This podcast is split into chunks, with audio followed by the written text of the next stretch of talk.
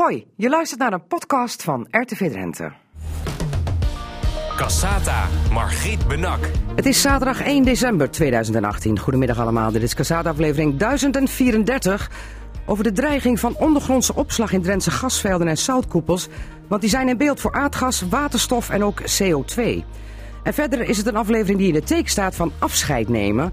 want directeur Lambert Swiers vertrekt na 10 jaar bij VNO-NCW Noord... Wethouder Jan de Katen verlaat na 17 jaar de Wolden. En na 30 jaar, jawel, moet het Hunebedcentrum in Borger verder zonder directeur Hein Klompmaker. Hij is vandaag speciale tafelgast in Casata. En natuurlijk is het radioforum er zoals altijd.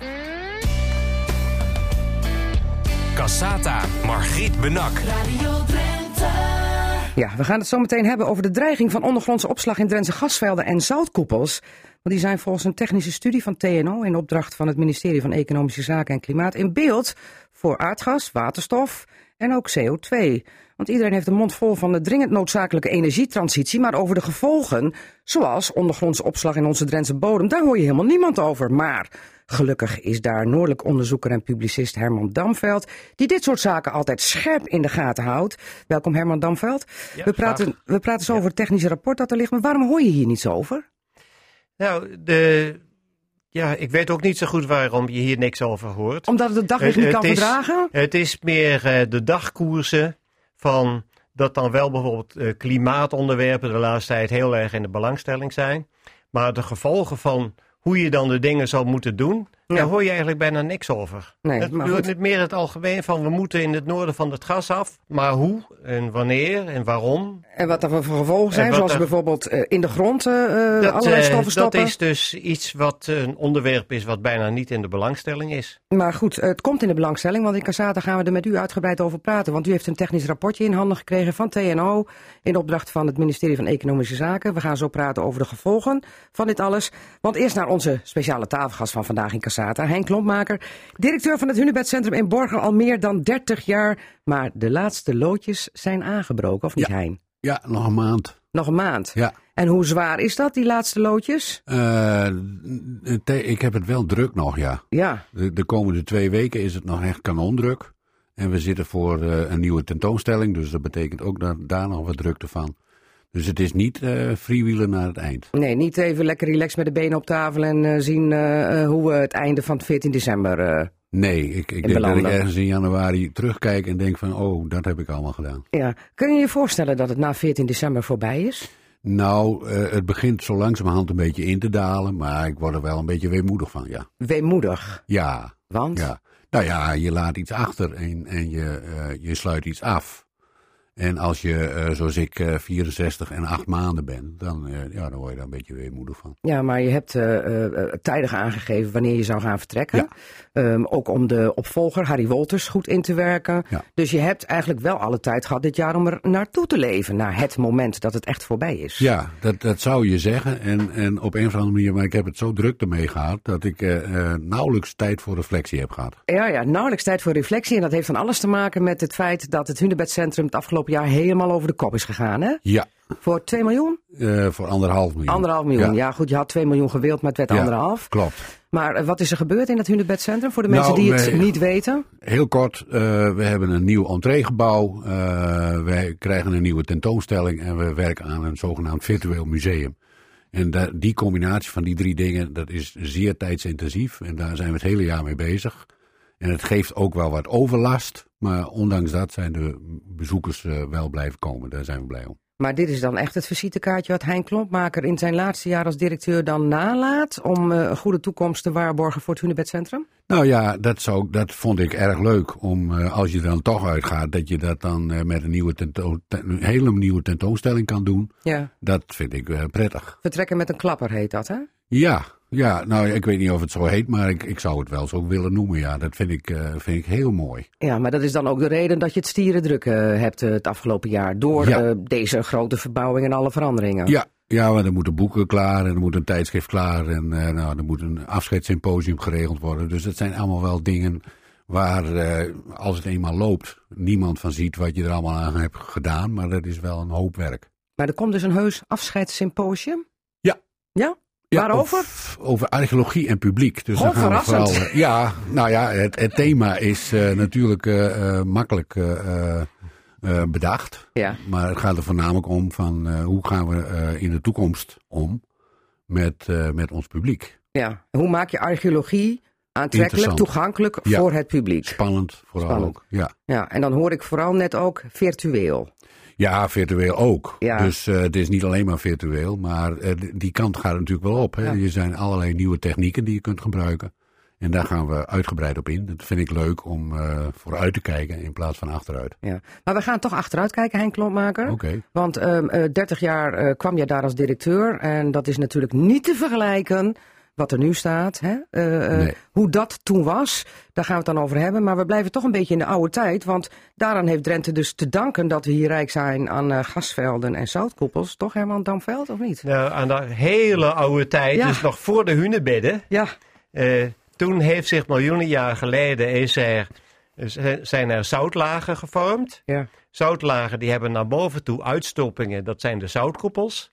En onder de zoutlagen, daar zit zand, zandsteen en, die- en die zandsteen is her en der is daar aardgas gevormd. ja. Dus eh, in de nog oudere tijd dan waar u het over heeft, ja. daar eh, zijn dus de dingen gevormd waar we het dus nu over hebben. Ja, de natuurlijke bronnen, maar zodra ze leeg zijn, zijn het mooie opslagplekken voor alles wat straks met de energietransitie te maken heeft. Want er is een rapport van TNO, het is een technische verkenning van ondergrondse opslag in Nederland. Eh, Herman Damveld, van waar die technische verkenning? Nou, eh, het is de bedoeling dat een heleboel gemeenteraden een plan maken voor wat dan met een moeilijk woord energietransitie heet. Ja, En energietransitie, dat betekent eigenlijk dat je eh, in plaats van de fossiele energiebronnen, zeg maar aardgas, olie en kolen, eh, overgaat naar vooral duurzame energie. ja, En nou, dat noemt men energietransitie. Ik denk dan vaak van, nou, waarom weer die ingewikkelde woorden? Maar ehm, om eh, van het gas af te kunnen, ja, eh, is dus het punt van, ja, hoe ga je dat doen? En vandaar dat dus gekeken wordt van, ja, kunnen we dan, als we bijvoorbeeld minder gas uit het Groningenveld halen, en er zijn kleine gasvelden ook in Drenthe, eh, die op een gegeven moment ook leeg zouden kunnen zijn. Kunnen we die dan niet meer vullen met bijvoorbeeld ander gas, gas uit Rusland? Of als je zegt van nou, we moeten een economie gebaseerd baseren op waterstof. Nou, dan kunnen we daar ook waterstof in doen. Bij zoutkoepels, er staan ook al de hele tijd, eh, al 40 jaar sinds ik in deze business zit, eh, staan de zoutkoepels op de nominatie voor kernafval. ja, dat is maar, even dit, geschrapt. maar dit plan Ja, gaat voor de komende tien jaar. En daarom staat er ook expliciet in dat opslag in zoutkoepels voor radioactief afval niet genoemd wordt. Ja. Maar er moeten wel natuurlijk bij die zoutkoepels moeten weer proefboringen zijn.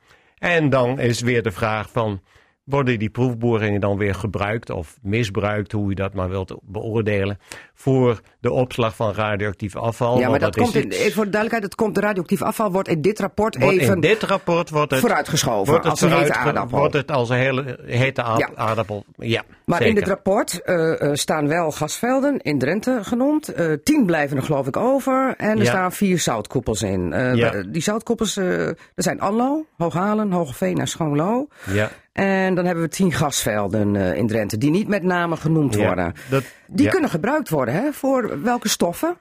Die, eh, de gasvelden zijn, komen dan vooral in aanmerking om daar bijvoorbeeld eh, weer aardgas uit Rusland in op te slaan. Ja, bijvoorbeeld net zo'n gasopslag als in Langelo. Wat nu dan als gasopslagbuffer dient voor het Groningerveld. Ja. Daar, als dat straks allemaal op, klaar, over is, kunnen we daar eh, eventueel Russisch aardgas Dan kunnen in we eh, Russisch aardgas, stoppen. dat, dat kunnen we daar dan dus in doen. Ja. Eh, of het idee is dus ook van als we het broeikasgas CO2 afvangen, want de, de discussie over klimaat, die ook nu weer in Polen bezig gaat, gaat vooral over CO2. Ja. Hè? Ja, als broeikasgas. Nou, CO2 is, komt te veel in de lucht. Dus als je nou, dus het idee is dus van, als je dat nou kunt afvangen, dan kun je dat mooi in de ondergrond wegstoppen. En dan kun je op dezelfde manier door blijven leven als nu. Dan hoef je niet na te denken over het energiegebruik enzovoort. Dus vanuit dat perspectief wordt gekeken van wat kunnen we dus bijvoorbeeld met die lege grasvelden doen. En de zoutkoepels, die komen dan weer in aanmerking om daar bijvoorbeeld vooral ook eh, waterstof in op te slaan. Omdat er ook al 30 jaar, zolang ik dus bij, met die onderwerpen bezighoud, komt er ook telkens van ja, de waterstofeconomie. Ja. Terwijl ik dan ook denk van ja, waar hebben we het dan weer over? Dat is weer een nieuw trucje Mhm. om weer het probleem waar we mee zitten, om dat weer vooruit te schuiven. Ja, maar het En probleem, die- bedoelt u het probleem waarmee we zitten is dat we gewoon eh, Dat enorm te veel, energie dat er consumeren? eigenlijk te veel energie. Ja. Maar wat mij bij dit eh, staatje over de zoutkoepels vooral ook opvalt, Mhm. is dat de zoutkoepel in, Assel, in Gasselte er niet meer in voorkomt. Nee, dat is eh, ook de zoutkoepel waar altijd het meeste protest tegen was. Want ik kan me nog herinneren dat volgend jaar op 2 juni, dan is het 40 jaar geleden dat er een massale demonstratie was in Gasselte. Ja. Toen was ik ook nog hier in de studio, weliswaar was die toen niet zo modern als nu, om uit te leggen hoe de, hoe de zaken allemaal zaten. Maar de zoutkoepel in Gasselte, daarbij is dus het aparte gebleken dat, ehm, nadat men eerst dacht van ja, dat er dat en zo diep ligt die. Want even voor dat dat nader was, inzien- dat was in beeld voor de opslag van die kernafval. hè? was vooral in beeld voor kernafval. Ja. En die zoutkoepels die nu genoemd worden, zijn ook allemaal in beeld voor kernafval. Maar die in Gasselte is bij nader onderzoek gebleken dat ze toch niet zo goed wisten waar nou de top van de zoutkoepel was. Dus daar waar wij dus 40 jaar lang te horen hebben gekregen, Gasselte is de favoriet van de regering voor kernafval, is die plotseling niet meer in dit rijtje. Nou, als we maar lang genoeg erover doen, dan komen ze misschien alle vier straks niet meer in het rijtje voor. Maar Of voor ik dat dan nog eh, met eh, mijn beperkte levensduur eh, nog, nog haal, dat is dus de vraag. Maar even voor de duidelijkheid, ik noem ze nog even. Anlo, Hooghalen, Hogeveen en Schoonlo staan er dus wel op. Maar we hebben het dan over tien gasvelden, vier zoutkoepels. Wat is het gevaar ervan als wij straks inderdaad hier in de Drentse ondergrond eh, waterstof of eh, eh, Russisch gas krijgen als buffer of eh, eh, stikstof krijgen, want dat wordt ook genoemd als stof, Ja. of CO2. Wat, Ja. wat is daar het gevaar van? Want dan Ja, kunnen we nu het- allemaal wel heel spastisch doen, maar is het gevaarlijk? Het punt bijvoorbeeld bij de, bij de gasvelden, om daar maar mee te beginnen. Het punt bij de gasvelden is dat als het, het gas wat er nu in zit, als dat eruit is, dan zakt als het ware het hele gasveld in elkaar. Wil je er dan opnieuw gas in stoppen, dan moet je de ondergrond als het ware weer wat uit elkaar drukken. En dat kan weer aanleiding geven tot aardbevingen. Dus het is ook bekend bijvoorbeeld dat bij, bij Norg, Langelo, ja, en ook, bij, en ook bij Grijpskerk. Daar zijn ook studies over, ook van TNO, waaruit blijkt dat eh, je rekening moet houden met een aardbeving van de kracht van 4.0 op de schaal van Richter. En dat is er tot nu toe. Eh, dat is veel meer dan de ergste aardbeving die tot nu toe in het Groningenveld is geweest. Ja, ja, ja. Maar dat geeft dus aan van, wij zijn dan allemaal een beetje opgelucht dat we van het Groninger gasveld afgaan. Maar eigenlijk is er een nieuw gevaar, want als we nou Russisch gas krijgen en die komt hier in de lege gasvelden in Drenthe en eh, het gaat erin en er weer uit, dan hebben wij hier alsnog te maken met ook aardbevingen. Dus dan zijn we helemaal niet van het probleem We verlost. zijn, nee, dat, wat er dus aan de hand is, is eh, ook niet voor niets dat dus eigenlijk in heel Nederland bij kleine gasvelden zijn nu een heleboel vergunningen aanvragen om daar gas te gaan winnen. Dat moet dan als het ware gecompenseerd worden omdat er minder gas uit het Groningenveld eh, gewonnen mag worden. Dus de problemen die er zijn bij Groningen, maar dan eigenlijk zijn die dus, omdat het een veel groter veld is, kun je daar veel meer schade verwachten dan bij kleine gasvelden. Maar eigenlijk worden de problemen vanuit het Groningenveld voor een deel verschoven naar Drenthe. En andere delen van het land, hè, waar dan ook gaswinning is. Maar vooral Ja. in het noorden is veel gas in de in grond. het hè? noorden. Ja. Ja, maar eh, oké, dus eigenlijk eh, eh, zegt u daarmee de gevaren hè, van aardbevingen verschuif je dan ook. Ook al zullen die minder zwaar zijn. Maar als het dan gaat om CO2-opslag in de grond, daar hebben we wel eens een keer eerder een discussie over gehad in Drenthe. Toen heeft provinciaal bestuur gezegd, eh, na heel veel protest, allemaal nooit niet. Minister Kamp, destijds verantwoordelijk daarvoor, heeft toen ook gezegd van oké, ik trek het besluit weer in, komt geen CO2-opslag. Nu komt het toch weer als een duveltje uit een doosje in dit rapport bovendrijven. Eh, Het was overigens toen eh, minister van Economische Zaken Verhagen. Die heeft gezegd Oh ja, dat we daarmee zo Klopt, lang geleden ja. is het alweer. Dus, Ja, nee, klopt, Verhagen Sorry was dat, dat. ik deze kleine correctie Nee, helemaal heb. goed. Klopt. Maar toen was het inderdaad zo van dat de regering die had toen niet verwacht dat er zoveel protest zou zijn. Want het was toen een combinatie met eh, de nieuwe kolencentrale aan de Eemshaven. Daar zou dan het CO2 van worden afgevangen.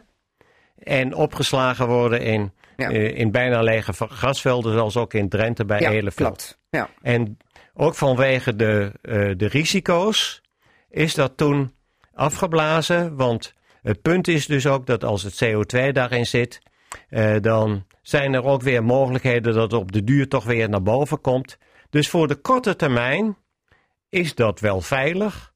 Maar dan is weer van, nou, wie na ons komt, wie na ons zorgt. Ja. Dat is eigenlijk de achtergrond van het Kun- hele kun je- beleid. Kun je, onderzoeken, kun je onderzoeken eh, of eh, eh, op de lange duur hè, eh, eh, dat toch gevolgen heeft? Kun je- is het überhaupt te onderzoeken? Of kunnen we dat helemaal niet? Eh, dat, eh, eh, dat, is, eh, dat is een leuke vraag, want dat heb ik ook bij afgevraagd bij eh, studies over opslag van radioactief afval. Daar ging het ook over van nou, wat zijn de gevolgen op de, op de hele lange termijn? Ja. Nou, eh, dan, eh, en dat doe je dan met behulp van rekenmodellen. Ja, ja, Nou, ja. dan gaat het er dus om van hoe betrouwbaar zijn die rekenmodellen.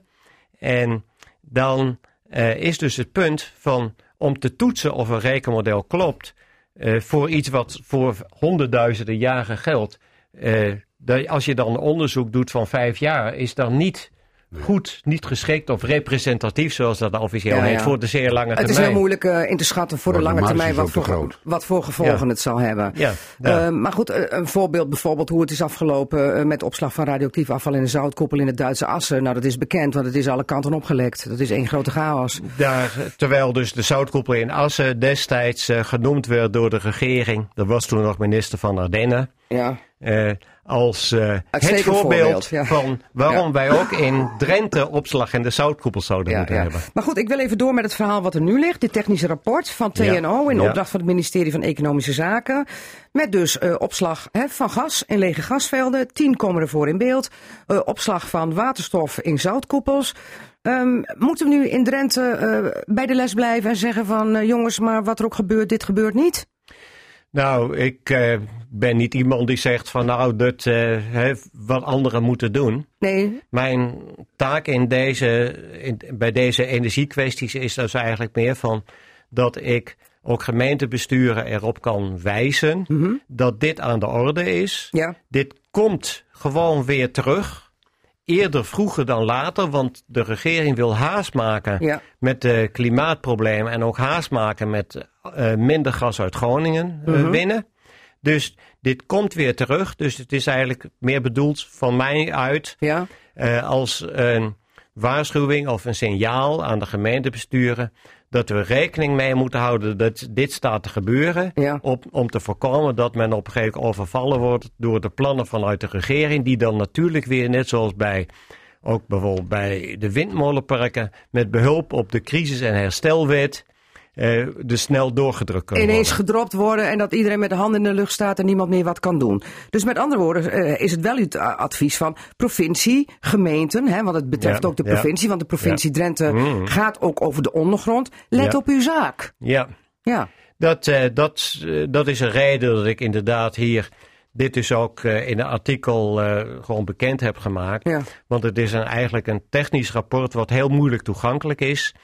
En waar je ook Bewust moeite voor moet wel, doen. bewust misschien waarbij je wel. ook moeite voor moet doen om dat überhaupt in de gaten te hebben dat dat er is. Ja, dus ehm, ehm, eh, de provincie luistert natuurlijk, gemeenten ook. Eh, pak dat rapport er dus bij, want het is gewoon op de Rijksoverheidssite eh, te belezen. Hè? Ja, ja. Het staat bij het ministerie van Economische Zaken op de website. En daar staat alles in. Het is een uitgebreid rapport. En Drenthe komt er uitgebreid in voor. En een artikel hierover staat ook op de website uh. Oké, goed. Eh, Herman Damveld, dank voor uw waarschuwing. En we zullen kijken of eh, de gemeentebesturen in Drenthe en ook het provinciebestuur nu wakker zijn geworden. Dank u wel. Cassata. Cassata. Margriet Benak. Ja, het is wel een bijzondere Cassata-aflevering, maar die staat vooral in het teken van eh, afscheid. Want na tien jaar is het klaar voor directeur Lambert Zwiers bij de werkgeversorganisatie VNO-NCW Noord. Nog geen 66, 66, wat een moeilijk woord, jaar, 66. Dus geen pensioen nog, Lambert Zwiers, en toch weg. Ja, Waarom? nou, ik vond tien jaar een hele mooie periode. En eh, ik, ik had het gevoel dat het elfde jaar ook niet zo verschrikkelijk veel meer zou toevoegen. En bovendien, ik heb ook nog wel zin om een aantal andere dingen te gaan doen. Dus eh, dit leek mij een prima moment. Oké, goed. Wat die leuke andere dingen dan zijn, eh, dat horen we zo wel. En hij is ambitieus, dus zoekt hij het hoger op, al gaat hij juist omlaag. Geografisch gezien dan op de kaart. Ik heb het over Jan ten Katen, nu nog wethouder van de Wolden in zijn derde termijn, maar over twee weken wethouder van de gemeente Hardenberg. Veel groter als gemeente zie ik dan, dus meer op de bankrekening, of niet Jan ten Katen? Ja, maar dat is nog net het laatste waar het om draait. Nou ja, meer inwoners, meer pegels op de bank. Ja, maar volgens mij als je het openbaar bestuur wilt en je doet het alleen maar voor het geld, dan eh, moet je volgens mij eh, zo snel mogelijk een andere baan gaan zoeken. Goed, eh, waarom jij dan wel in het openbaar bestuur zit, Jan ten Katen, horen we straks wel. Want gaan we eerst even naar onze speciale tafelgast van vandaag. Die ook helemaal in het teken van afscheid staat. Hij is nog ook nog twee weken druk, druk, druk bij het Hunebedcentrum in Borger voor de laatste loodjes van de nieuwe tentoonstelling. Maar over twee weken, 14 december, trekt hij daar de deur achter zich dicht definitief. Henk Klompmaker, ehm, als we eens 30 jaar terugkijken in de tijd, eh, over wat voor Hunebedcentrumpje praten we dan? Ja, dan hebben we het over eh, een, een, een, een eh, dichtgemaakte kapschuur. Ja, ja. ik wou Ja. net niet zeggen een, een, een oversized bouwkeet. Nee, dat, dat zijn wel echte benakwoorden. Maar Ja. eh, laten we zeggen, daarom zeg ik ook van een dichtgezette kapschuur. Ja, en dat Ja. was het dan. Ja, daar begon het mee. Dus Ja. in, eh, sindsdien is het vrolijk uit de hand gelopen. Ja, en eh, uit de hand gelopen door toedoen van directeur Hein Klompmaker. Die dacht van, eh, ja, de geschiedenis is ver terug te gaan. En de kanon van Drenthe begint met de hunebedden. Dus dat mag ook wel getoond worden dat daar iets mee is en dat het bijzonder is. Ik zou het heel bijzonder vinden als ik het helemaal aan mijzelf zou kunnen koppelen. En dan, dan liep ik hier als een, als een ijdele pauw door het gebouw. Maar zo is het niet. Eh, dat is echt eh, een, een collectieve prestatie. Ja. Het Hunebedcentrum is een wij-project. Een wijproject. En, in, eh, en dat wijproject is in 30 jaar tijd uitgegroeid tot een enorm prachtig mooi Hunebedcentrum met een nieuw entreegebouw. eh, straks een nieuwe tentoonstelling.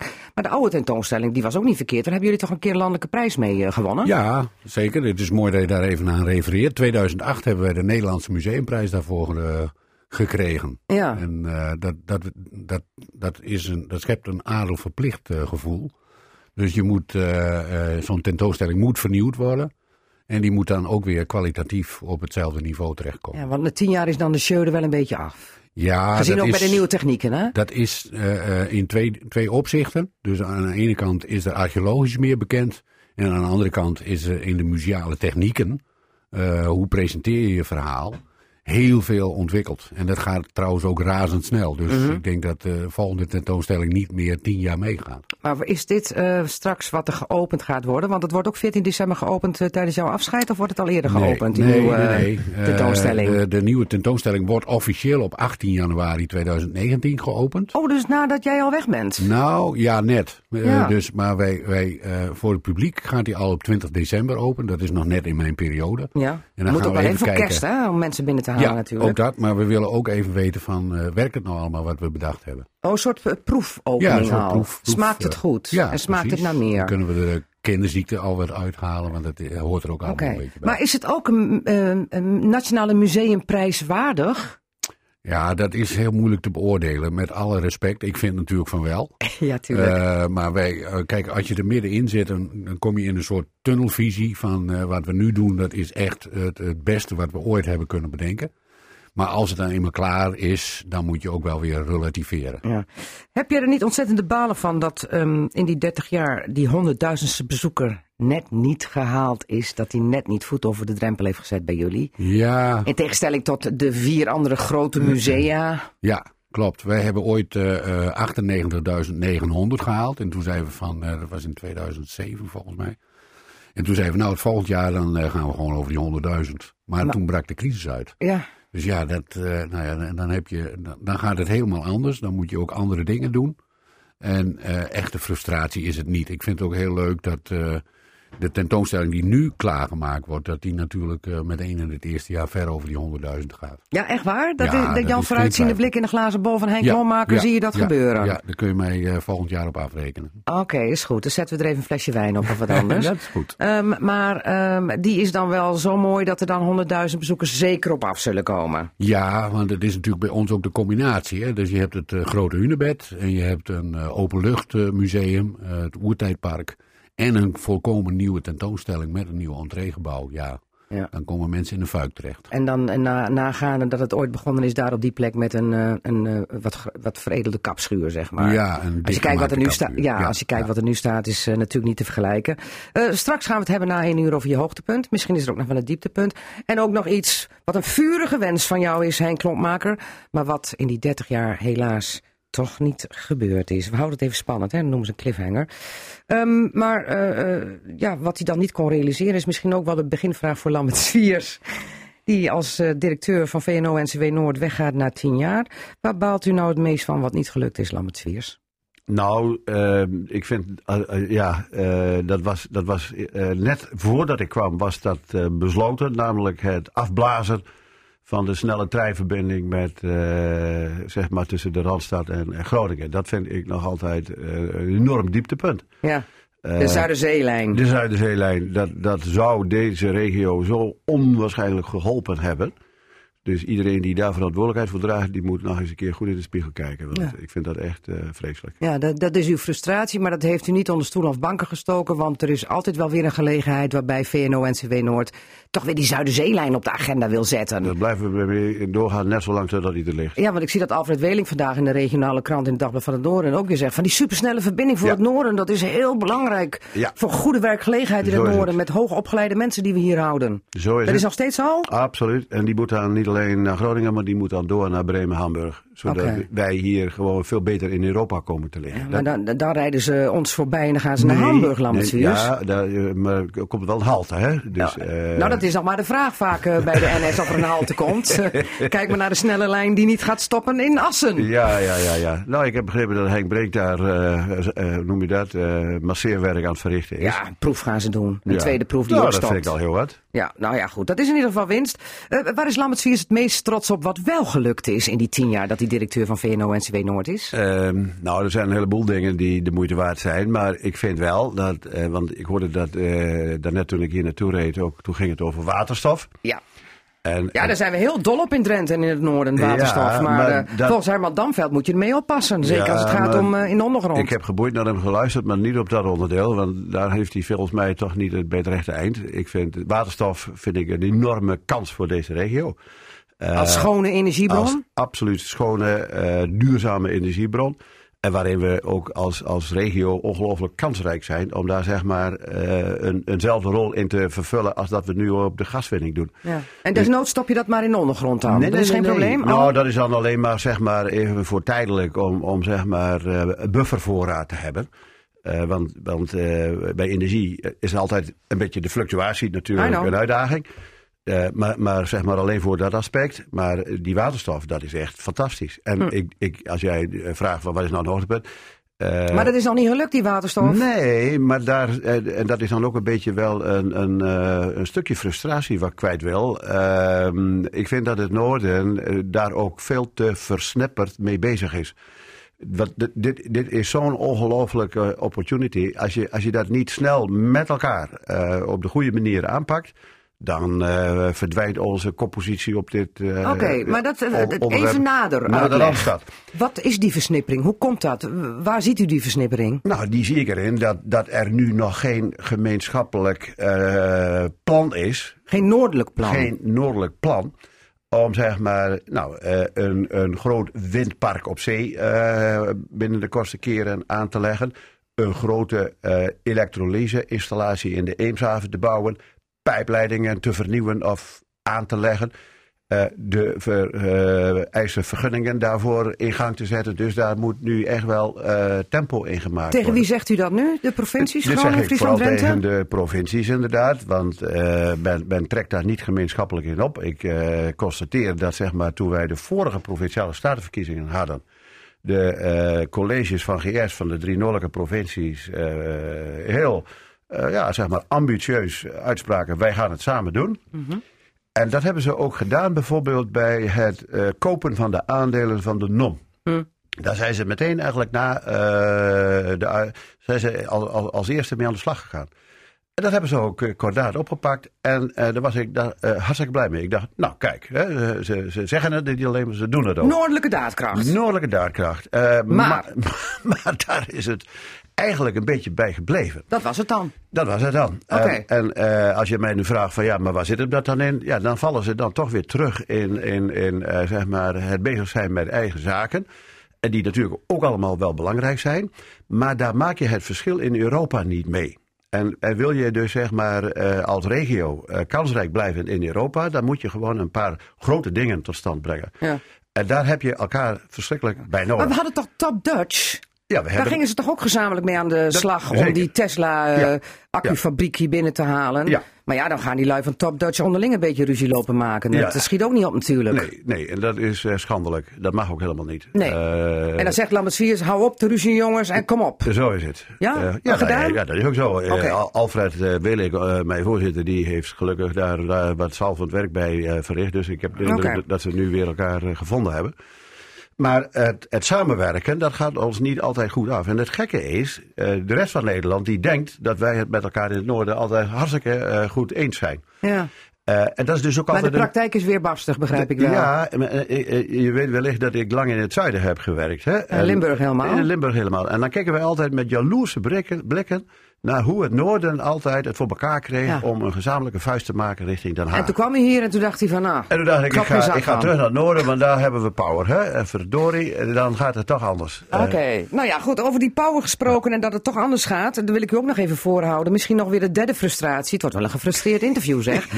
Ehm, vlieg, Groningen Airport Eelde. Ook Ja. zoiets wat eh, allemaal Noorden, schouders eronder. We gaan een mooi toekomstplan als noordelijke toegangspoort maken. Ruim 40 miljoen. 46 was de bedoeling. En dan haakt de gemeente Groningen alweer af, want die willen niet dokken. En nu is het toch alweer een probleem. De hubs zijn de pijlers eh, waarop dus eh, vliegveld Eelde moet gaan drijven. Om eh, contact te hebben met die hubs, met die internationale vliegvelden. We vliegen op Londen, we vliegen op Kopenhagen nog wel en ook op München nog wel. Nou, Nordica, u weet, eh, iedereen weet het, zit in de problemen, te weinig tickets. Maar dan denk ik, het noordelijk bedrijfsleven zette ook de schouders eronder, moesten ook commitment tonen richting dat vliegveld. Maar er komt geen drol van terecht, want er worden veel te, te weinig tickets verkocht ja. aan de noordelijke bedrijven. Ja. Lambert Sears kon er maar in. Ja, ik, eh, ik, moet, ik moet je eh, helaas een beetje gelijk geven. Het valt wat tegen wat betreft de belangstelling vanuit zakelijke hoek. Valt wat tegen. Nou, die lijnen die zijn. Kijk, eh dat zijn nieuwe lijnen. Hè? Die Ja. hebben, eh, wat ik mij heb laten vertellen, eh, voor 60, 70 procent bezet. Dus dat is helemaal niet slecht. Dus we moeten nou niet naar Maar Nordica wil dat het beter gaat. Ja, nou ja, kijk, weet je, Nordica moet natuurlijk ook zelf, daar, wat mij betreft, veel meer aan doen. Want ik zie of hoor helemaal niks van Nordica. Hè? Ik, ik heb begrepen, mijn collega Andries Ophof, die eh, helemaal in dat vliegveld altijd eh, gedoken is en Ja. blijft duiken, die zegt van ja, maar er is een afspraak dat Groningen Airport Eelde zelf daar ehm, eh, de markt voor opgaat en het wegzet in advertenties. Ja, dat is dus eh, dankzij dat, eh, hoe heet het, dat Route Development eh, Fund, hè, wat Ja. daarvoor is opgezet. Dat Waar is- speciaal geld in is gestopt. Ja, nou, da- d- wat- we waren net wat aan het zagrijnen over noordelijke samenwerking. Nou, ik vind wel dat ze elkaar goed hebben gesteund, zeg maar, om dat geld op tafel te krijgen. Maar nou ja, kijk, het is natuurlijk bijzonder dat een vliegveld eh, deze rol vervult. Normaal gesproken moeten de vliegtuigmaatschappijen dat doen. Je, hoort, je ziet ook geen eh, geweldige reclamecampagnes van Schiphol, van kom naar Schiphol en dat soort dingen. Dat doen de vliegtuigmaatschappijen zelf. Dus eigenlijk zegt u met deze woorden van eh, Nordica moet gewoon zelf meer aan de weg timmeren. moet- En eh, meer naar het bedrijfsleven toestappen. Van jongens, kijk nou eens, we hebben een eh, hele leuke deal voor jullie. Ja, eh, kom maar op. Ja, zeker. zeker. Daar ziet u te weinig van gebeuren. Daar zie ik te weinig van gebeuren. Dus ik, kan zie- niet alleen maar de bal neerleggen bij het Nee, bedrijfsleven. niet alleen de bal bij bedrijfsleven. Ik vind ook dat het vliegveld de banden met Schiphol aan moet halen. Eh, Omdat? Nou ja, Schiphol heeft natuurlijk al sinds jaren en dag enorme problemen om de eigen groei te managen. Ja, maar dat gaat naar Lelystad toe, omdat er Nou weer zo'n ja, nodige dat, vliegveld dat bij is de bedoeling, komen. maar dat gaat natuurlijk ook allemaal niet zo geweldig goed. Dus ehm, bovendien, eh, ik denk dat je dus eh, steeds meer naar specialisaties van luchthavens toe gaat. Eh, ik denk dat daar dus best wel afspraken over te maken zijn, waardoor zeg maar ook de regie op de ontwikkeling van, van Eelde, Groningen Airport Eelde, in samenhang komt te zitten met andere vliegvelden in Nederland. Hm. Zo, hè, Ja, zodat- maar u bedenkt dat, maar dan kunnen ze toch bij Vliegveld Eelde zelf toch ook bedenken? Dan hoeft Lambert Swiers dat toch niet te zeggen, of wel? Nou ja, dat is natuurlijk wel Waar een ligt beetje- dan aan? Nou ja, dat zijn, dat zijn, kijk, wij proberen altijd wel eh, mee te denken in Ja. zeg maar, de koers hè, die ten goede komt aan, aan zeg maar, onze regio. Ehm, En als u dat dan aangeeft, wat, wat zeggen ze dan daar bij het vliegveld? nou, ik heb mij laten vertellen dat men daar ook wel stiekem wel een beetje mee in eh, de weer is met die verbinding naar Schiphol. Dus Goed. wat dat betreft eh, heb ik daar best wel eh, vertrouwen in. En ik vind ook dat als het even tegen zit, moet je niet meteen zeggen van nou, nou houden we ermee op. Oké. Zijn dat- er ook nog leuke dingen waar we over kunnen praten over tien jaar uh, bij VNO-NCW Noord? Ja, jij begint erover. Ja, nou ja, het zijn wel even de zaken die nog afgetikt moeten worden, ja, Lambert. ja, ja, ja. Nee, maar, Wat is het hoogtepunt bijvoorbeeld in tien jaar VNO-NCW Noord dat u daar Nou, directeur ik, was? ik, ik- kijk, ik vind dat het vertrouwen in ondernemers en in de mogelijkheden van ondernemers, zeg maar, om de uitdagingen waarvoor we als regio staan, dat het vertrouwen in de samenleving richting ondernemers enorm gegroeid is in de afgelopen periode. Dus door de eh, bankencrisis is daar een behoorlijke deuk in gekomen. Maar inmiddels eh, is, is iedereen er wel van overtuigd dat de oplossingen voor de uitdagingen waarvoor we staan, dat de ondernemers daar verreweg En de beste mogelijkheden en voor die kunnen bieden. uitdaging is, Nou, benoem die- hem even. Nou, ik, eh, eh, eh, ik zal één uitdaging noemen. In de energietransitie hebben we het al even over Ja. gehad. Nou, wie moet dat gaan doen? Dat moeten de ondernemers gaan doen. Samen met de overheden. Samen met de overheid. Altijd. In dit land kun je niks alleen. Hè? Nee. Samen eh, moet je het altijd aanpakken. En verder? Nou ja, de, de, dus zeg maar die eh, rol die de ondernemers wordt gegund in het zeg maar vormgeven van de toekomst van onze regio, Hm. dat vind ik een enorm belangrijke winst ten opzichte van zeg maar de periode daarvoor. Daar ben ik hartstikke trots op. Ik ben ook trots op het feit dat we eh, zeg maar met elkaar aan de slag gaan om een goede treinverbinding, weliswaar gefaseerd richting eh, Bremen-Hamburg te krijgen. Want wij moeten deze regio beter in Europa positioneren. Ja, want ik las ook in de echt- krant dat je dan ook eh, hoofdkantoren naar het noorden kan trekken. Ja, ja, precies. Je wordt gewoon aangesloten eh, op Europese netwerken. Dat is ontzettend belangrijk. Oké, Dat moet gebeuren. En met welk advies neemt Lambert Swiers met de knaller afscheid op eh, 6 december komende donderdag? Oh, ik, eh, dat, dat dit de mooiste baan van, eh, van, van Noord-Nederland is. Ja? Waar ik met ongelooflijk veel plezier eh, in heb gewerkt. Ja? En waar ik ontzettend trots op ben. Oké, en wie wordt uw opvolger? Ja, dat wordt volgende week dinsdag wordt dat bekendgemaakt. Oké, En daar ben ik best blij mee dat hij dat gaat doen. daadkrachtig iemand. Het is een hij, hoor Het ik is al. een hij, dat mag ik wel verklappen. Een Drent? Het is, eh, nou, dat, ja, dat weet ik eigenlijk niet. Eh, het is Oh. een Noordeling in ieder geval. Het is een Noordeling. Ja. En we kennen hem? Ja, zeker ken jij. Jij, jij kent iedereen, dus je kent. Nou, oké. En wie is het? Ja, nee, dat mag ik niet zeggen. Het is een jongetje geworden en het is. Goed, Lambert Swiers, ik wil je veel plezier wensen bij je afscheid donderdag. En we zullen dan dinsdag horen wie in de voetsporen treedt van Lambert Swiers. Bedankt voor de komst naar Casata. Oké. Ja, want we hebben nog een afscheid. Dat is Jan de Katen, wethouder van de Wolden. Derde termijn is amper begonnen, Jan de Katen. Halfjaartje. Hè? En, en dan neemt u de kuierlatten naar Hardenberg. Ja. Is het niet een beetje een raar moment? Ja, alle momenten zijn raar. Ja? Eh, zeg maar om tussentijds te vertrekken. Ik wist eh, dat dit mijn laatste periode zou worden, de derde periode. hè. De, de tweede wordt al omschreven als risicovol. Nou, dan is de derde helemaal eh, risicovol. Oh, je dacht van wegwezen En- voordat er mij wat nee, overkomt? Nee, nee, nee, nee, oh. dat dacht ik helemaal niet. Maar ehm, eh, je weet wel, ik wist wel dat dit mijn laatste periode in de Wolden zou Ja.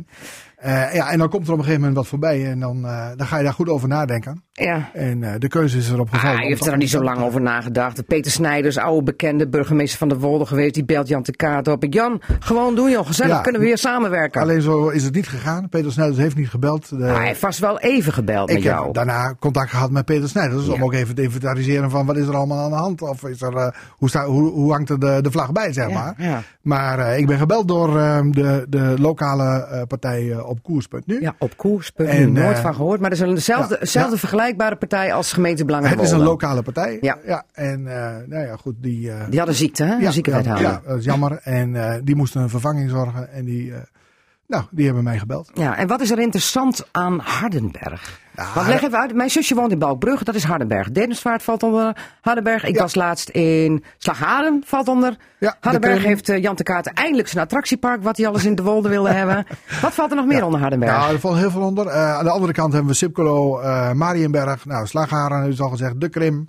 Oh ja. eh Vroomshoop, nou noem maar op. Dus het, het, ligt, eh, het is een hele grote gemeente. Het Drie is, keer eh, groter dan de Wolden, hè? Ja, oppervlakte veel groter. En ook ja, in- inwoners natuurlijk ook. Dus Ja. het is, eh, en Hardenberg heeft ook nog een, eh, een soort van centrumfunctie. Zei ik toch al, met een heel de mooi- inwoners heel ook drie keer groter, dus goed voor de bankrekening. Mooi bedrijventerrein. ja. ja, het ligt jou wel zwaar op de maag, die bankrekening. Ah nee, dat is een grapje. Margriet. Ja, grapje. De Hunebed Highway je het highway, ja, want daar kennen we elkaar weer van. eh, ja, die, eh, die loopt er ook naartoe. Hè? Oh ja, Dus, eh, want die eh, Hardenberg ligt inderdaad aan die N34, hè? ja, klopt. Hunebed ja, net, Highway. net helemaal opgeknapt, nieuwe tunnels eronder door. Ja. Staat daar ook een bord trouwens van Hunebed Highway? Bij ja, zo gauw je Drenthe binnenkomt, dan is het maar even of je komt direct het eh, bord Hunebed Highway. Eh, Volgens mij kun je hem dan doortrekken straks naar Overijssel, toch, eh, Jan de Kaarten? Als ik een bord meekrijg, dan zal ik mijn best doen. Ja, ja, ja. Maar, Alleen, alleen eh, het is eh, geen gemeentelijke weg, hè, dus we hebben er niet zoveel over. nee, oké, dat is waar ook. Maar wat voor uitdagingen wacht jou in Hardenberg? Want ja, de Wolden is over het algemeen toch een plattelandsgemeente. Eh Hardenberg is een beetje, ja, van beide wat, hè? Ja, ja, maar ook wel een heel grote plattelandsgemeente. Nou, de, de opdracht die in ieder geval eh, straks in mijn eh, takenpakket zal vallen. Dit is ook de opdracht die we hier hebben met elkaar, de regionale energietransitie. nou, dus eh, voor jouw hier ook al heel veel van zeggen. Dat wordt ook mijn portefeuille. En daar speelt heel veel. Hè. Daar speelt ook iets met windenergie. Er speelt met zonnevelden eh, het een en het ander. Dus, eh, Ook gedoe ja. in eh, Hardenberg met Ja, zonneparken? want eh, overal is daar wel reuring over, zeg maar. Maar bij de Wolden is wat dat betreft op dat gebied het aardig rustig, Ja, toch? dat klopt. In de Wolden hebben we een, een hele mooie aanpak. nou, ik hoorde er net al iets over zeggen van in Noorden zouden we daar iets mee moeten doen. Ehm, eh, in de Wolden hebben we de Rendo uitgedaagd om te zeggen van goh, eh, zou het kunnen dat we over vijf jaar ons hele netwerk wat we nu nog gebruiken voor aardgas, dat we dat gaan gebruiken voor groen gas. Ja. En, Het, ehm, eh, het netwerk wat er ligt wordt volgens Eddie Veenstra, de directeur, gebruikt voor groen gas. Dat ja, kan. En dat willen wij eigenlijk over vijf jaar geregeld hebben. Nou, dat gaat niet over vijf jaar lukken, maar we, eh, mijn opvolger eh, zal eh, binnenkort een handtekening kunnen zetten eh, tussen een convenant en de Rendo en de Wolden. En dan eh, is het de bedoeling dat eh, nou ja, over tien jaar eh, toch groen gas in heel de Wolden eh, Ja. wordt. Zoiets ook denkbaar in Hardenberg? Dat zou eh, daar ook heel goed kunnen. Ja. En, eh, ja, want ja, in een platteland. Ik denk dat dat iets, past, iets is wat heel goed bij de plattelandsgemeente past. Hè. Warmtenetten, eh warmte vervoeren over lange afstanden, dat, dat, dat is heel erg lastig. En eh, dit is een heel mooi alternatief. Ja. we weten ook dat eh, van, de, van de warmte is 80%, eh, daar zijn we het gas voor nodig. We praten heel veel over eh, elektriciteit, maar als het over de warmte gaat, 80% is gas. Ga je nooit allemaal met elektriciteit eh, redden. En dit is een fantastisch alternatief. En, en is dat dan ook een uitdaging waar je in Hardenberg voor staat? Naast... Ja, en de hele energietransitie Ja. is, is, een, eh, is een, een- ja, een hele eh, uitdaging. En wat nog meer dan in Hardenberg in je portefeuille? Nou, in de portefeuille is ook wegen.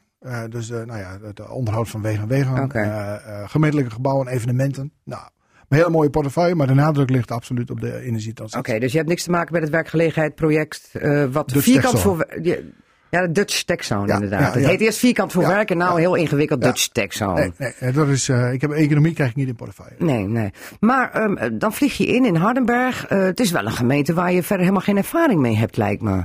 Is dat niet lastig? Ja, dat klopt. Want je moet helemaal, helemaal blanco beginnen. Ja, maar dat is ook wel weer een uitdaging. Ja. Tenminste, zo zie ik het. Eh, Dat, was ook, dat was ook de reden van, ik heb wel eens zin in een nieuwe nou, uitdaging. kijk, als je 17 jaar actief bent in de, in de politiek in de Wolden, acht jaar als raadslid, nu de derde periode als, eh, als wethouder, eh, dan moet je ervoor waken dat je niet op de automatische piloot eh, gaat zitten. Was dat En- al een beetje het geval? Nou, ik heb ik probeer in ieder geval mezelf wel iedere keer fris te houden. Ook door ook veel buiten de wolden eh, informatie op te doen, door nieuwe ideeën eh, in te brengen. Maar als je je vierde woonplan en je vierde eh gemeentelijk verkeer, verkeer en vervoersplan moet vaststellen, dan kom je een beetje in de modus van, nou, dat hebben we al gehad. Ja. En dat is niet goed voor mij en dat is ook absoluut niet goed voor de wolden.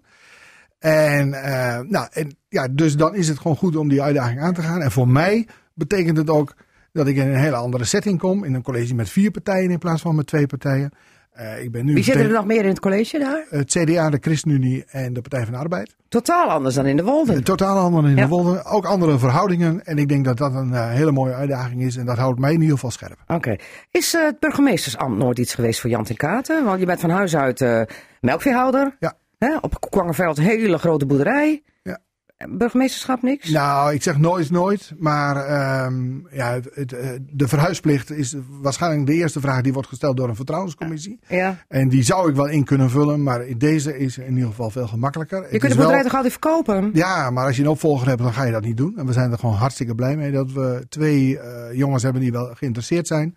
Dus dat gaan we, eh, Je zoon als het het enigszins kan, ja, dan gaan, Ja, als het enigszins kan, dan gaan we dat faciliteren. En eh, daar hoort dan niet het verkopen van een boerderij bij. Nee, nee oké, maar overdragen. Ja. Maar dat is toch heel makkelijk? Je hebt opvolgers, de boerderij Nou, is ik, dan de eh, ik toekomst zou je graag nog eens een keer eh, bij willen praten, maar dat hebben we nu weer heel weinig tijd voor. Hoe gemakkelijk of het is om een boerderij over te dragen. Dat Nee. is absoluut niet gemakkelijk. Nee, ik, weet, ik ben zelf boerendochter, ik Ja. weet er alles van. Dat, Ja. Mijn vader heeft ook een maatschap met mijn neefje en dat is ook allemaal wel lastig. Ja, absoluut. Lastig, lastig. Maar we gaan ervoor. Oké, je gaat ervoor voor Hardenberg. ehm, eh, dat is dan, nou ja, drieënhalf jaar. En dan is men weer verder kijken. Ja. Toch? Hoe oud is eh, Jan de Katen? 54. Oh, er Ja. kan nog een leuke carrière weer achteraan komen We dan. gaan het zien. Oké. En eh, we gaan eerst deze uitdaging aan. Goed, eh, ik wens je veel plezier en sterkte in Hardenberg. Eh, vrijdag 14 december ook afscheid van jou. 18 december de installatie en dan gaat het los in Hardenberg. Doe de groet aan Peter Snijders, ooit burgemeester in Gaan de Wolden. En eh, ja, zeg maar, een- wordt weer een nieuwe collega, een oude nieuwe collega. Ja. Cassata.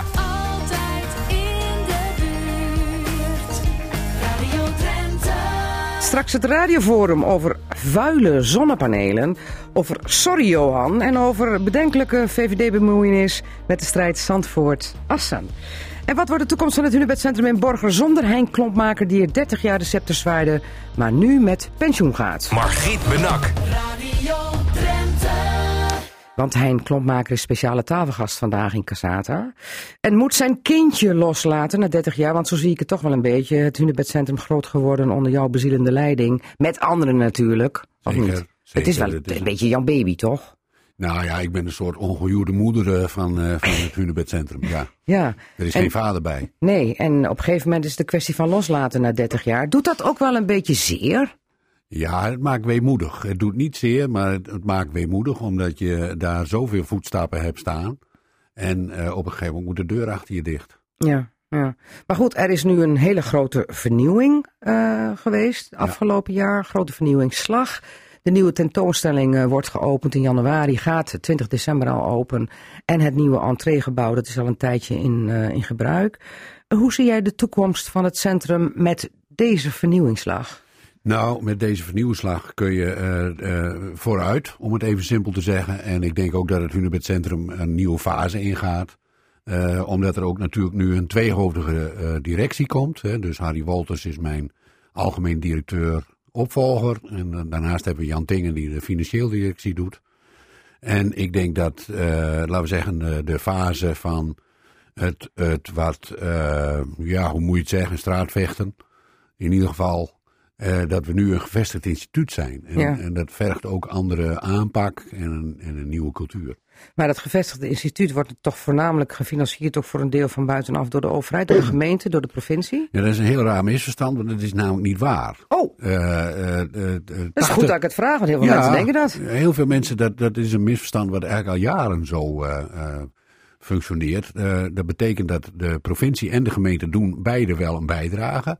Maar over is minder, dan? minder dan 20% van onze totale jaarbegroting. Maar over hoeveel praten we dan? We hebben het over 2 ton. Ja? En wij hebben een eh, jaarbegroting op het ogenblik van 1,1 miljoen. Ja, en die twee ton, is dat dan eh, samen van de provincie en de gemeente? Ja, samen. In totaal. Dus Ja. dat, dit is alles. Ja, En voor de rest houden jullie de broek op. ja. Bij, bij, bij speciale projecten zoals nu, hè, die verbouwing, krijgen jullie wel geld toch van de provincie en gemeente? Ja, zeker. Dus eh, als je het hebt over investeringen, dan. eh, maar ook daar doen we zelf het nodige in. Dus Ja.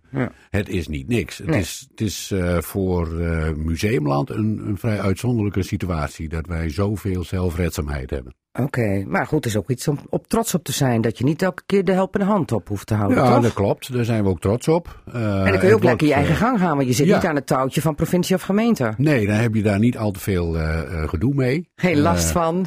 Nou, last heb je altijd wel van bureaucratie hoor. Dat is, eh, dat is wel een eh, rode draad door 30 jaar uh, Unibed-centrum. Maar over bureaucratie gesproken, waarom eh, krijgt het Hunebedcentrum een tweehoofdige directie? Dat is toch ook weer zonde van het geld? Dan kun je toch beter in het eh, centrum zelf steken dan nou nog in een poppetje in management erbij? Nee, eh, die, die, die tweehoofdige eh, directie, dat is echt eh, eh, absoluut nodig. Gaat misschien ook wel eerder eh, gemoeten. Maar dat is in Museumland bu- buitengewoon belangrijk. Eh, er, zijn, er werken veel mensen bij ons. En eh, alles wat met P&O te maken heeft, is een uitdijend heelal ge- Ja. geworden. En dat kun je er als eh, algemeen directeur niet even bij doen. Nee, maar goed, daar is toch gewoon een eh, financiële afdeling voor eh, nodig. Daar heb je toch een financieel directeur voor nodig? Nou, dat, eh, het, vergt nogal wat. Oké, Dus, want eh, Veenhuizen is dat ook niet zo. Peter Sluiter heeft natuurlijk ook eh, meer bezoekers in eh, het gevangenismuseum Veenhuizen dan het Hunebedcentrum Borgeren heeft. Ja. heeft dat ook niet nodig. Nee, nou, ik weet niet of hij het niet nodig heeft, maar hij heeft het niet.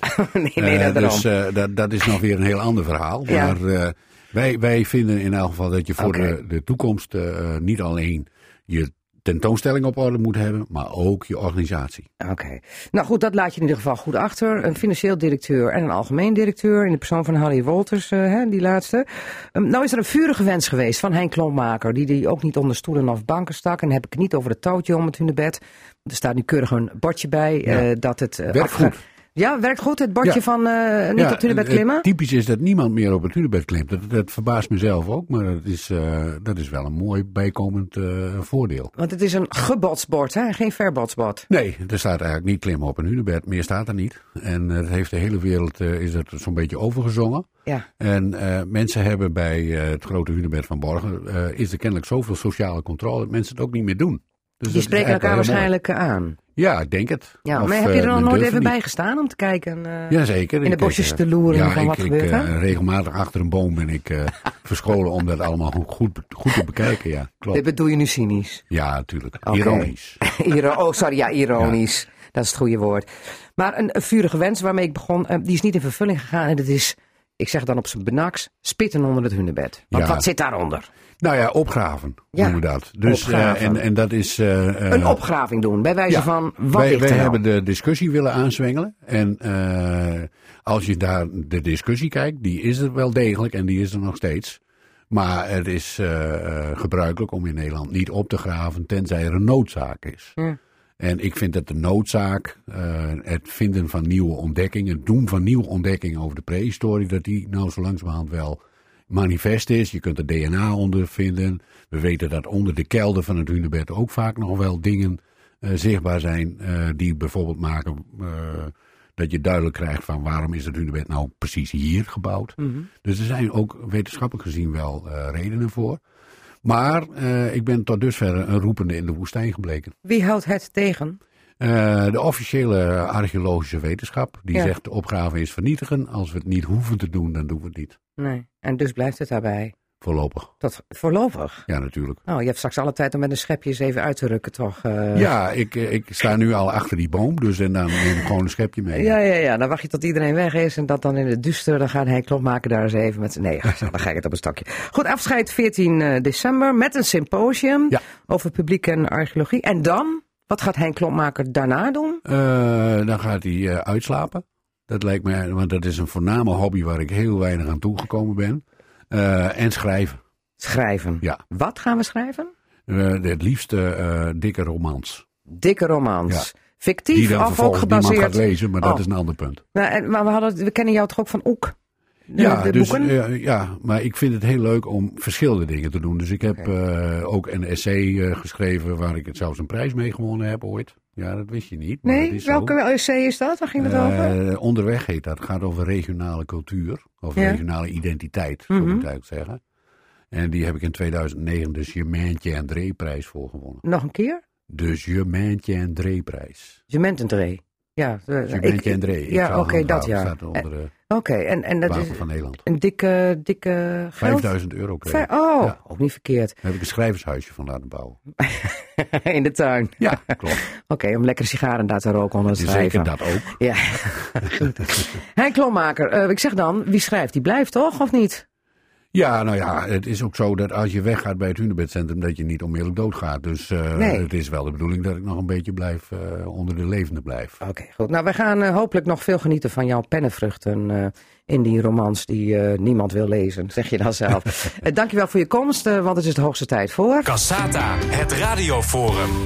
En dan zeg ik dankjewel voor je komst, maar hij gaat niet weg. Die wordt nu gewoon onderdeel van het radioforum.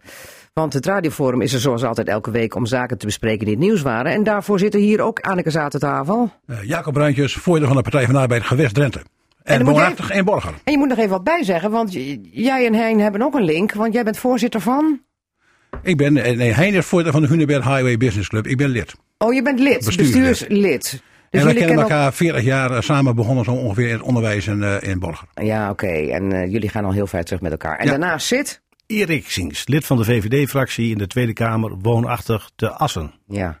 We gaan het eerst eens even hebben over de vuile zonnepanelen. Een heel bizar verhaal.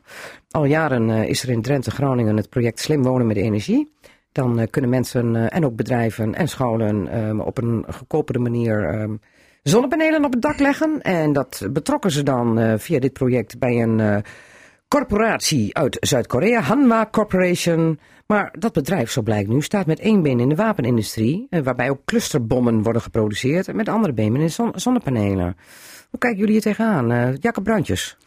Ja, het eh, is een bijzondere zaak. Ik ben in eerste plaats volstrekt van overtuigd dat dit niet geweten is door degene die het allemaal geregeld hebben. Laat ik het zo maar even noemen. Nee, want als men Eh, het vast geweten niet. had. Had men het vast niet gedaan. Nee, dat is nee. mijn, eh, is mijn eh, overtuiging. Ik En, mag wel even eh, zeggen trouwens dat het een vrij staaltje onderzoekswerk was van mijn collega Marjolein Knol. Ook later in samenwerking met Follow the Money, want we zaten op hetzelfde spoor, zo bleek. Ja, absoluut. Dus, en dat onderzoek eh, is kennelijk niet gedaan eh, bij degene die de, de inkoop moesten regelen voor dit, eh, Nee, voor dit provincie verhaal. Drenthe, provincie Groningen. Ja, maar ook eh, Amsterdam en Arnhem, daar liggen ook eh, panelen Ja. van deze Triodos Bank heeft eh, gefinancierd. Eh, Ja. Dus ook een bank Ook eh, van goede naam en faam. Dus dit, dit is, eh, velen hebben dit niet gezien. Eh nou is het eh, ontdekt. Eh, en ik denk dat je nou goed moet kijken van eh, hoe je hier verder mee gaat. En eh, lijkt mij voor de hand te liggen dat je zegt, nou maak even pas op de plaats. Kijk even goed hoe het in elkaar steekt. Eh, en, en kijk dan vervolgens hoe je er verder mee om moet gaan. Want ik denk dat zomaar niet. eh dus nou ja, jammer. En dan over tot de orde van de dag lijkt me niet goed. Maar Tjisse Stelpstra, onze verantwoordelijk gedeputeerde hiervoor, die riep al vrij snel, ja nee, het is het andere BV, ehm, heeft niet te maken met die andere BV die clusterbommen en andere wapentuig maakt. Dus eh, wij vinden het wel best. Is dat niet een beetje een snelle reactie? Terwijl anderen zeggen van, we gaan er eens even goed naar kijken, Erik Sinks. Ja, kijk, bij dit soort gevallen eh, ben je vaak snel geneigd om direct al een reactie te geven en vervolgens wat te gaan nadenken. En eh, ik moet zeggen, toen ik het bericht hoorde, dacht ik ook van ja, die dingen zijn besteld en eh, kom op. Maar aan de andere kant, ja, het, het probleem ligt er natuurlijk wel. Dus, eh, Want er is toch ook goed- een afspraak goed- landelijk? We mogen niet in zee gaan met bedrijven Nou ja, maar dat die is, clusterbommen dat- maken. Maar dat is ook zo. En dat, dat maakt het ook zo bijzonder. Omdat je eigenlijk in alle aanbestedingstrajecten ook van de overheid allerlei eisen altijd opneemt. Als het gaat om return, in, eh, of eh, social return noemen ze Ja, dat dan. ja. Hè, dat je er dingen voor terugkrijgt. En, en dat geldt voor heel veel dingen in zo'n aanbestedingstraject. En dan denk ik, dit is toch wel best wel onzorgvuldig geweest in de basis. En ja, dan zul je nu even pas op de plaats moeten maken en kijken hoe je de volgende stap zet.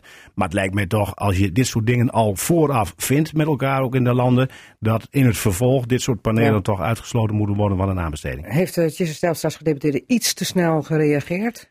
Dat kan zo zijn, maar dat is misschien met de kennis die hij op dat moment had. Het is ook vaak de informatie die je op dat moment krijgt en hoe je dan reageert. Ja, soms moet je even tot tien tellen Ja. en even wachten totdat je een gedegen reactie geeft. Ja, maar jij zei van het is niet illegaal, het is geen witwasserij. En die BV, die Hanwa, eh, eh, eh, waar die, waar die Q-cell zonnepanelen worden gemaakt, die is wel schoon. Maar ja, goed, het is één corporatie. Hè? Je hebt een moederbedrijf. En die. eh, Nee, het hoort, heel simpel, het hoort bij elkaar. Ja. Dus je kunt niet veronderstellen dat je zegt als de ene hand iets doet, dan weet hij niet wat de andere doet. Ehm, uiteindelijk, als je dat nu geconstateerd hebt, moet je een vervolgstap zetten en zeggen, joh, we sluiten dit in het vervolg uit. Alleen lopende contracten, dat weten we allemaal, je moet kunt- je gewoon uitdienen. Je kunt moeilijk de vuile zonnepanelen, zoals we dan ze even noemen, die nu op de dak liggen, eraf halen, omdat het eh, niet deugt natuurlijk. Maar eh, zou je eh, absoluut dus niet meer in zee moeten gaan met eh, dit bedrijf, uh, Ja, ik, ik ben geen politicus, maar ik zou dat eh, vrij simpel kunnen zeggen: nooit meer doen. Nooit meer doen. Eens maar nooit weer. Nou, maar je hebt ook de, de, de pensioenfondsen eh, eh, investeren niet in dit soort bedrijven. Dus een eenvoudige check zou kunnen zijn, als je dan een keer weer, zo- zoiets hebt, kijk even of een pensioenfonds daarin investeert. Want er zijn gewoon afspraken over en er gewoon dingen onderzocht. Dan weet je waar je aan toe bent. Ja, ja goed. Oké, dat waren de vuile zonnepanelen. Nu even eh, de race tussen Assen en Zandvoort om de Formule 1 in 2020. Want dat die eh, komt naar Nederland, eh, als hij dan komt, het is in mei 2020. Maar nu was er gisteravond een uitzending van Haagse lobby van WNL. Eh, waarin eh, VVD-Kamerlid Sportzaken Rutmer Herema eh, aangaf Zandvoort wel wat te willen helpen met investeren in toegangswegen. Ik heb, ik heb begrepen, begrepen dat je in slaap bent gevallen voordat je de uitzending hebt kunnen zien. Ja, klopt. Ik heb hem ook gezien en Jacob Bruintjes ook. Ja, Eh, dus datgene wat je hier nu stelt, dat heeft hij helemaal niet gezegd. Het is een publicatie geweest al in een Ja. motorblad. Ja, in een, bijzonder. in ja, een, bijzonder. eh, ja, een ja, raceblad. ja. Zo- waarin, zo, zie je eh, maar weer dat een je. de- voorpublicatie. Ja, ja, ja, ja. Je had het net over onderzoek doen en eh, follow the money. Oh, nu en ga je goed mij even spoor. pakken. Nee, heel helder. Maar ik vind ook uiteindelijk als Ik ben je. zo eerlijk dat heb, ik ik heb geleerd dat je altijd ook goed even moet nagaan wat er daadwerkelijk gezegd is. Ik ik moet zeggen, toen, Wat de is er pu- gezegd dan? toen de publicatie kwam, heb ik mijn collega direct gebeld. Die heeft mij direct aangegeven. Die zei, joh, er zijn opnames geweest. Ja. Ik heb daarbij gezegd, ik vind het fantastisch als de Formule 1 naar Nederland komt. Ja. En als je iets zou moeten doen, toen de vraag werd gesteld of de Rijksoverheid iets zou kunnen gaan doen. Hij zei, het enige wat een Rijksoverheid zou kunnen doen, is faciliteren in bijvoorbeeld aan- en afvoerroutes, et cetera. Dat geldt zowel voor Zandvoort als voor Assen. En dat zei hij in één zin. En dat had hij mij verteld. Ik denk, nou, gisteravond, ik ga kijken. En Oké. inderdaad, dat was de zin die hij uitsprak. En toen denk ik, oké, dus eh, wat hebben we nu gezegd dan? Heeft hij daarmee iets ten faveur van eh, Zandvoort gezegd? Nee. Ik heb ook Henk Brink gisteravond nog even gebeld. Ik zei, joh, hoe, hoe is de stand van zaken op dit moment? Ik begreep dat Zandvoort tot maart ongeveer de gelegenheid kreeg om de zaak op orde te krijgen. Lukte dat niet, dan is de tweede optie direct Assen. Nou, en laten we nu eerst even gaan kijken of Zandvoort dat voor elkaar krijgt. Is enorme commotie daar in de omgeving. Haarlem heeft op dat moment al gezegd, we hebben er geen behoefte aan. Bloemendaal is nog een dorpje daar in de buurt die zegt, joh, we zien dat helemaal niet zitten als het gaat om die enorme stromen verkeer. Eh, dus mijn gezond boerenverstand zegt dat als we kijken hier naar de omgeving, wij hebben die infrastructuur. Ik denk Ja. dat we hele hoge ogen gooien als uiteindelijk blijkt dat het in Zandvoort niet gaat lukken. Ik Goed, moet zeggen, ik, de- ik heb eh, De gisteren soep gekeken. wordt niet hè. zo heet, heet gegeten Nee, als die wordt opgediend. Ik, ik, las tekst. ik, ik las die dag nog weer een ballon van de VVD die opgelaten wordt. Maar Ja, dat die hebben nog wel eens proefballonnetjes, Maar dit, hè? dit was echt niet zo. En Erik heeft gewoon gelijk. Ik heb hem gisteravond eh, gezien. De man heeft eh, in een bijzijn iets gezegd over wat je zou kunnen doen. eh, Iets met infrastructuur zou kunnen doen. Maar hij heeft eh, zich heel neutraal opgesteld als het ging om of Zandvoort of Assen. Oh, kijk, want anders dacht ik ook al van, nou, dan moet die VVD, eh, hè, ons VVD-Kamerlid Erik Sien uit Assen, zijn collega, maar eens even die Redmer, uh, Deze keer kan kan de rustig wassen. Ik, ik, had, ik had de washandjes al klaar liggen, Margriet. Maar ik denk, laat ik nou eerst even Ja. bellen hoe het daadwerkelijk zit. En het moeten we, bleek moeten erg we mee te vallen. überhaupt eh, zo'n Formule 1 naar, naar Assen halen? Ik dacht al, wat blijft Henk Klommaker? Ja, ik, ik, vind, het- ik vind het een beetje. eh, misschien ben ik een, een, een ongelofelijke oude lul die dat. eh, Ja, een prehistorische oude ja, lul. prehistorisch. eh, Nou, zolang als we hier ik nog een Hunebed Highway hebben, Ja. proef ik toch wel enige voorkeur voor een combinatie van Hunebedden en auto's. Anders heb je ook geen highway Een nodig. Formule Oh, 1 ja, auto ja, op een ja, Hunebed dat- Highway. Dat, is- zou is toch geweldig absoluut waar. zijn? En, en zeker als het om oldtimers gaat. Maar om Formule 1 eh, hier naartoe te halen, ik vind het waanzin. Oké. Nou, duidelijk. Goed. Als dan Henk Klommaker ligt, dan gebeurt het niet. Maar als er een Formule 1 over de Hunebed Highway gaat, dan ga je vast kijken. Mm, ja, dan wil ik er ook in zitten, ja. Tuurlijk. Oh, de- de- oh, zie je wel. Erin zitten. Ehm, nou ja, over erin zitten gesproken. Eh, de trein, de snelle trein naar het noorden. Eh, we hebben het eerder hier gehad in Cassata in het radioforum over het feit dat er dan geen stop was met die proef, met die snelle trein van het Randstad naar Groningen. Toen zei Erik Sings hier van, nou, nou, nou, nou, als er niet wat verandert, dan trek ik mijn staatssecretaris over het bureau heen. Nou ja, goed, zo noem ik het dan even. Maar het is niet nodig, want eh Harmke Vlieg, de wethouder van Assen, is samen met Henk Brink opgetrokken naar Roger van Bokstol, hè, de baas van de NS. En er is een toezegging gedaan, er komt ook een tweede proef waarbij de trein stopt in Assen. Ik ben volledig op de hoogte van het traject. Dat zou ook eh, gek zijn als ik dat niet was. Nee, Als, want je eh, bent hoofdspoorzaken Ik bij de ben VVD, eh, hè? woordvoerder op het gebied van het spoor. En ik had ook aangegeven dat ik op 6 december, dus de komende week in eh, het onderwerp spoorordening, Ja. daar iets over zou gaan zeggen. Er zwaaide wat. En dat ga ik overigens ook nog wel doen hoor. Want ik wil in ieder geval toch nog wel eventjes wat verduidelijking over het standpunt wat nu ingenomen is. Ehm, afgelopen week hadden we het zogenaamde MIRT. Eh, mijn collega Remco Dijkstra. dat is het meerjaren investeringsplan investeringsplan op infrastructuur enzovoort, ja. Infrastructurele projecten. Ja, en eh, dat betekent dus dat eh, hij daar het woord gevoerd heeft. Daar hebben we ook nog een keer een motie ingediend samen met eh ChristenUnie. Als het ging om Noord-Nederland. Eh, die motie komt dinsdag in stemming. eh, waarbij we dus ook inderdaad nog weer hameren op eh, snelle verbindingen vanuit zowel Leeuwarden, Groningen als Assen. Dus we benadrukken dat nog een keer.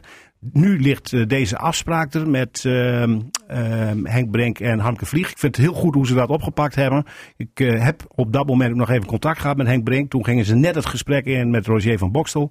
Eh, fijn dat ze in ieder geval deze tussenoplossing Je gevonden hebt ook hebben. vaak contact met Henk Brink in één week tijd, zo op Ja. deze manier. Nee, maar dat klopt. Dat is zo nu en dan nodig. Want kijk, als je vindt dat je partij ook in ieder geval een gelijk geluid moet laten horen, moet je gewoon met elkaar overleggen van Ja. hoe je erin staat. En dan moet je ook weten wat de feiten zijn. En als je die met elkaar, heb je ook vaak hetzelfde geluid naar buiten en word je niet ook uit elkaar gespeeld. Nee, nee, nee. Maar goed, er komt dus een tweede proef met een, eh, met een stop wel in Assen. Ja. Eh, ja, goed. eh, Aan de ene kant denk ik ook juist misschien een doekje voor het bloeden. Want straks zeggen ze toch van ja, goed, die eerste proef. eh hup, hup, hup, dat wint toch wel tijd. Nou ja, ik ben van mening zelfs dat er ook een proef zou moeten komen vanaf Leeuwarden. Ehm, eh, we doen het nu eerst even met deze twee proeven. Vanaf Maar- Leeuwarden en dan waar stoppen? Nou ja, dat, niet? dat, dat, dat moet dan bekeken worden. De, de doelstelling is dat je een snelle verbinding krijgt. Ja. Daar hebben we ons altijd voor ingezet met de drie noordelijke provincies. Moeten we ook blijven doen. De eh, vorige eh, melding die kwam, die was voornamelijk gericht op een snelle verbinding alleen vanaf Groningen. Ja. Daar sloeg ik ook op aan en anderen ook. En gelukkig hebben we nu eigenlijk twee eh, proeven die gedaan worden. En straks moet de discussie gevoerd worden. Wat kan wel, wat kan niet, hoe kun je versnellen. Ik ben net trouwens met het gesprek met Lambert Sviers nog iets vergeten. Want toen ik hem dat gisteren nog even voorlegde om het ook over die spoorverbinding te hebben, zei hij van ja.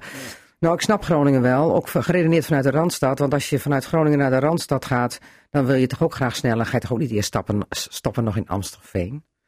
Als een soort vergelijking tussen Assen en Groningen. Ja, maar ik heb Dacht niet de indruk dat. Lambert vaak met, eh, met de trein reist. Ehm, laat ik dat even voorop stellen. Nee, ik moet zeggen, reist voor, anders. En ook niet met vliegtuigen van Nou, Eelde nee, vanaf... nee, nee, nee. maar het is, het is makkelijk praten als je namelijk zelf niet met de trein reist. Ja. Ehm, en vanaf 2010 ben ik heel veel gebruik gaan maken van het spoor. Eh, en ik ben een groot lief, liefhebber van het reizen per trein. Al zou men dat niet verwachten van mij als liberaal. Maar eh, het is gewoon heel simpel.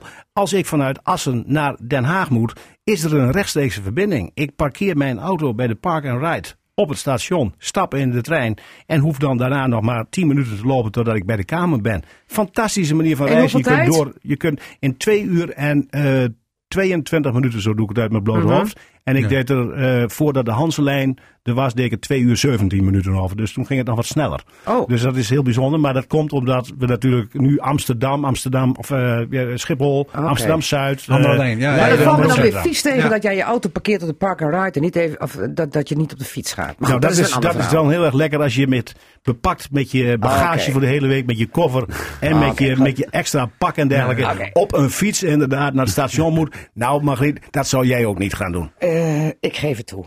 Oké. Ja, Eh, excuus, goed excuus. Even heel kort nog, Jacob Bruintjes.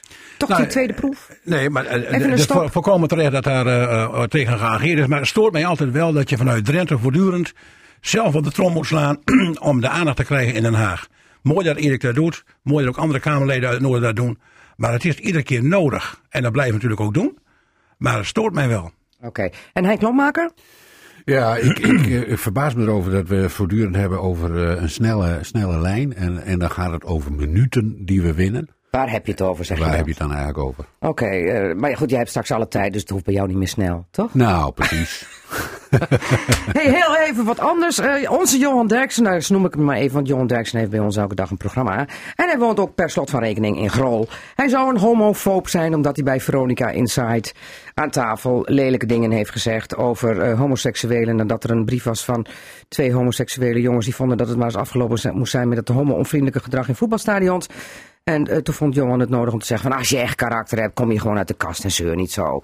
Nou, hij is geen homofoob, heeft hij nu gisteravond in Veronica Inside gezegd. Maar er is heel veel gedoe over. Is, is het de sop in de kool al waard, jongens? Ik denk wel eens, wordt er nou niet veel te veel waarde gehecht aan de woorden van Johan Derksen? Want hoe de F is Johan Derksen? Hij zei gisteravond in het programma, zei hij, ik zit hier al 21 jaar te raaskallen, zei hij. Ik zit hier al 21 jaar te Dat raaskallen. is ook zijn rol daar, geloof En ik, denk, ja, dat klopt, eh, eh, Johan. En op een of andere manier zijn er nog steeds heel veel mensen die dat ook serieus denken te moeten nemen.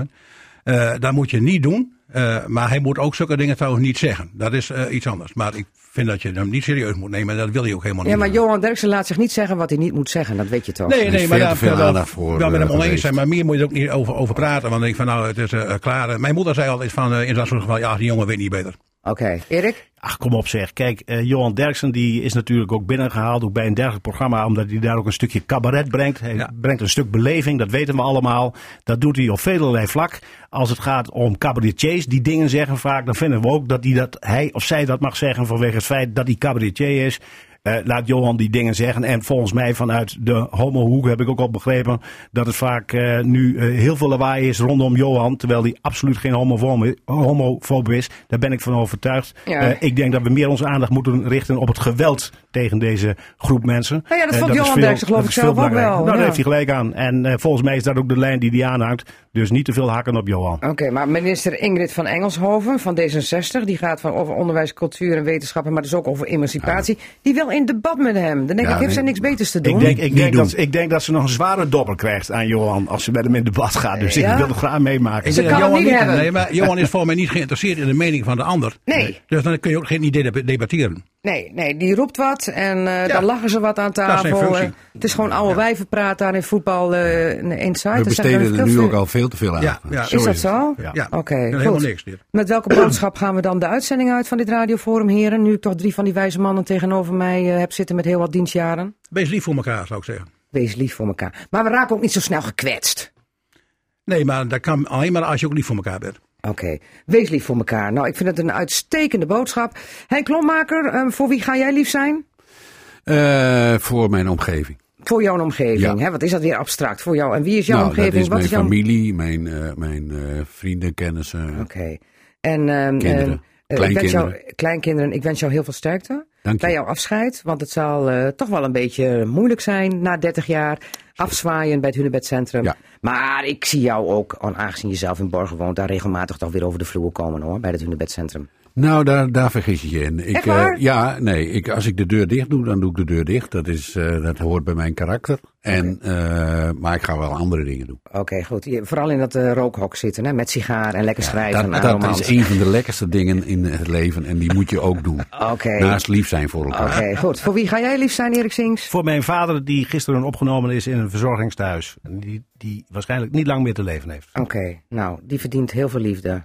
Nu het nog kan. Hè? Zo is het. Sterkte. Allen, dank jullie wel voor jullie inbreng, voor jullie wijze inbreng in het radioforum.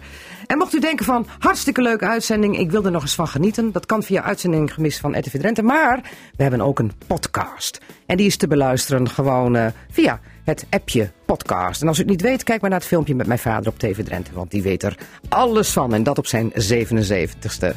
Vet af. Bedankt voor het luisteren. Dit was Casata. Volgende week geen Casata. Want dan hebben we Super Zaterdag in verband met Samen voor de Voedselbank. En dan is er de 15e weer een Casata. Tot dan. Dag.